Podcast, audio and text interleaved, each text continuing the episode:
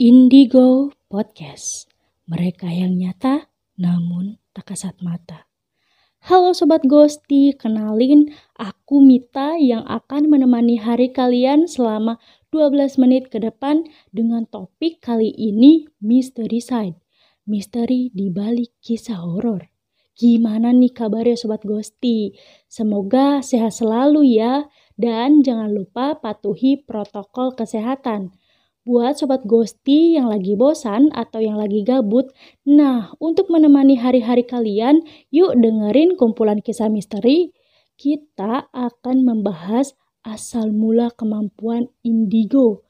Oke guys, kita tidak asing lagi dengan seseorang yang mampu melihat mereka yang tak kasat mata bermula dari sebuah opini yang berkembang di masyarakat hingga saat ini. Nah, sekarang kita akan membahas asal-usul kemampuan indigo. Berdasarkan sumber dari duniaku.com, istilah indigo pertama kali dikemukakan oleh seorang konselor bernama Nancy Entep pada tahun 1970. Dalam penelitiannya, Nancy mengungkapkan setiap anak yang lahir ke dunia memiliki aura berbeda.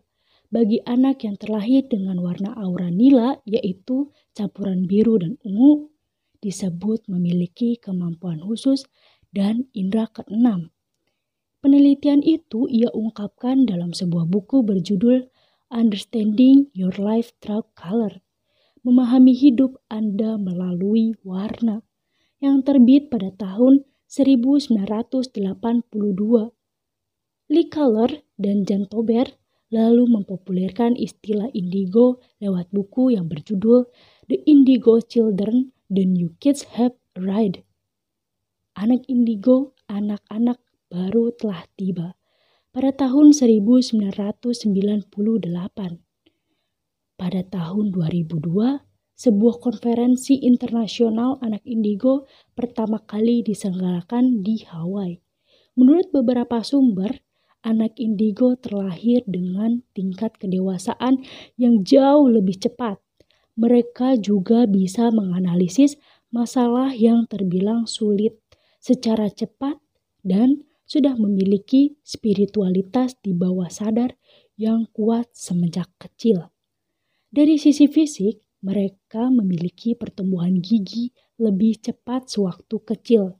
Selain itu, mereka mempunyai bentuk lingkar kepala yang sedikit lebih besar. Banyak orang yang menyebutnya jika anak indigo adalah anak yang bisa menerawang masa depan dan mengkait-kaitkannya dengan sesuatu hal mistis. Padahal kemampuan mereka itu berasal dari daya otak yang mampu bekerja lebih dibandingkan manusia umumnya. Alhasil, mereka dianugerahi kemampuan seperti telepati, mendapatkan pandangan atau vision, dan menguasai suatu bahasa tanpa perlu belajar lama. Berdasarkan berbagai pengalaman misteri, banyak orang yang memiliki kemampuan indigo membenarkan bahwa mereka melihat berbagai wujud dari makhluk tak kasat mata di mana orang lain tidak bisa melihatnya. Padahal kejadian tersebut terjadi di waktu dan tempat yang bersamaan. Nah, gimana nih? Apa sobat Gusti termasuk orang yang memiliki kemampuan istimewa? Kita mulai yuk sesi cerita pengalaman horornya. Aku ini sebenarnya punya kemampuan indigo. Jadi, aku di sini akan menceritakan pengalamanku. Sejak kecil, aku ini bisa melihat mereka yang tak kasat mata atau bisa disebut dengan gaib. Sebenarnya, aku sendiri baru terbiasa itu saat beranjak remaja. Kayak baru sadar gitu, loh ternyata aku bisa melihat sosok gaib. Tapi sampai sekarang sih aku kadang belum bisa bedain mana yang gaib sama yang nyata. Kata orang tuaku, aku ini indigo karena keturunan. Kakekku dulu juga sama sepertiku. Awalnya aku nggak tahu tuh bisa melihat kakek dan nenekku yang sudah lama meninggal. Aku lihat mereka itu seperti manusia biasanya, nyata layaknya orang melakukan aktivitas biasanya. Tapi memang bedanya tuh kayak wajahnya tuh sedikit pucat. Sepenglihatan aku seperti itu. Kalau ada yang nam nanya napak apa enggak jalannya, jujur aku nggak merhatiin sampai ke sana. Tapi ya aku lihat sih napak. Aku memang dari dulu nggak pernah cerita ke siapa pun kalau aku bisa melihat gaib. Ya karena aku juga enggak sadar kan. Cuma waktu itu aku cerita ke mama aku kalau aku lihat nenek-nenek dan kakek-kakek. Pas aku sebutin ciri-cirinya, ternyata percis kayak nenek dan kakekku yang sudah meninggal. Kenapa aku nggak tahu wajah nenek dan kakek? Karena mereka meninggal sebelum aku lahir. Jadi aku nggak tahu wajah mereka. Jadi dari situlah keluargaku tahu aku indigo. Kalau ditanya bentuk dan wujud gaib, itu gimana? Aku pasti jawab, ya beragam. Ada yang terlihat seperti manusia dan ada yang menyeramkan. Dulu pas waktu kecil aku suka kaget sama ketakutan kalau habis lihat gaib. Aku inget waktu itu tuh aku ngeliat sosok perempuan. Biasanya orang menyebutnya kuntilanak. Kalau aku manggilnya si Neng. Soalnya ya perempuan kan Neng gitu. Oke oke balik ke cerita. Jadi pas malam itu aku keluar rumah. Terus tuh aku lihat ke arah pohon mangga. Kenapa ada putih-putih? Pas aku deketin, eh ternyata si Neng. Teteh Kunti guys. Serem banget sih itu. Aku aja langsung lari masuk ke rumah buru-buru kunci pintu. Nah, habis aku lihat si Neng itu, aku ngerasa meriang, gak enak badan. Pas paginya aku bangun, ternyata aku demam, badannya panas. Aku waktu malam itu nggak cerita ke mama. Pas malam, pas paginya ditanya, kenapa badan aku panas? Ya, aku ceritain kejadian malam itu. Ya, mama jadi ketakutan. Malah aku kaget. Kok mama malah takut? Mamaku penakut. Kadang aku juga aneh. Kok mama takut? Padahal anaknya anak indigo. Terus mama bilang, aku harus bisa beradaptasi sama mereka. Ya, kalau sekarang sih sudah biasa lihat yang gaib. Malah sekarang gak bisa bedain.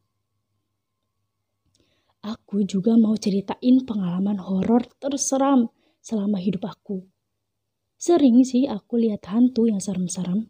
Jadi waktu itu aku nonton bioskop sama temanku. Terus aku tuh pulang sendirian karena letak bioskop dan rumahku lumayan dekat. Jadi aku memilih jalan kaki.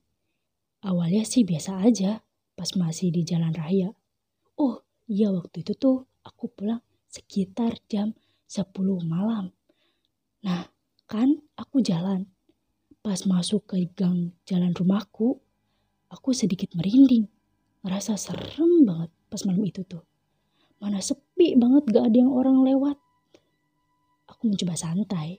Aku jalan dengan santai. Pas di depan rumah kosong, kenapa aku malah berhenti? Tiba-tiba aku tuh kepengen lihat ke sebelah kiri terus. Ternyata di pohon pisang itu ada sesosok putih besar banget. Terus kayak mukanya itu hitam banget. Yang aku lihat itu adalah sosok pocong. Guys, aku lihat pocong aslinya. Ternyata pocong itu nyata. Jadi gini nih bentuk detailnya.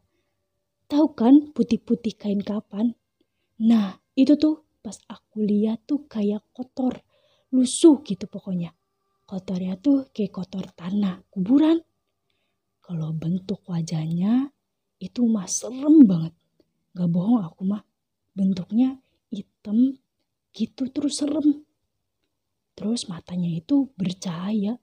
Ada sinar gitu. Aku tuh waktu itu mencoba memastikan kan. Terus penasaran. Padahal waktu itu tuh aku ketakutan. Tapi bisa-bisanya aku malah penasaran sama bentuk mukanya. Nah, si pocong itu itu kayak ada di tengah-tengah dua pohon pisang. Pas aku lihat jelas mukanya, aku langsung lari gitu ke rumah. Aku itu sih pengalaman aku paling serem. Soalnya baru pertama kali aku lihat pocong dengan nyata. Walaupun aku anak indigo yang sering lihat hantu, tapi waktu itu aku emang takut banget. Nah, pas di rumah aku cerita ke mama. Mama malah ikutan takut. Kata mama, biasanya kalau melihat pocong itu identik dengan pirasat kematian seseorang. Tapi aku nggak mau ambil pusing sampai mikir kejauhan kan. Jadi aku nggak mikir hal buruk itu.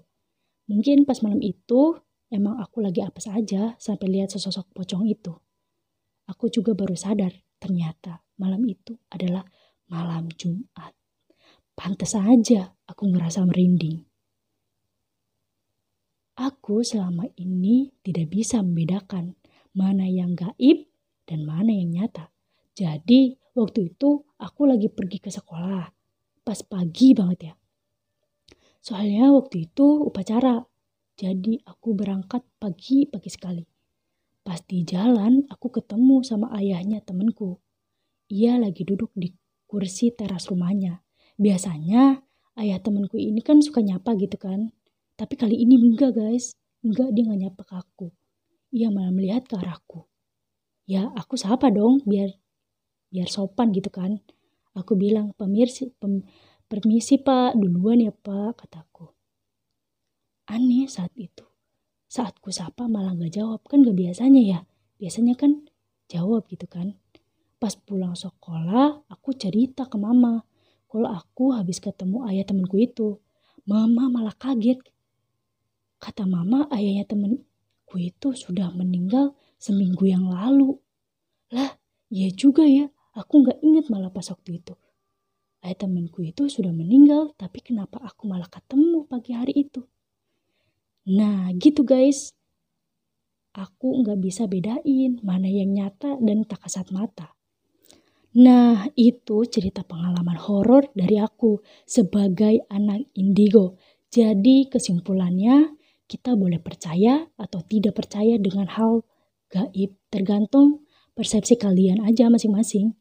Jadi, terus dengerin Indigo Podcast di episode-episode selanjutnya. Akan ada cerita horor yang akan lebih serem dan tentunya bikin kalian merinding.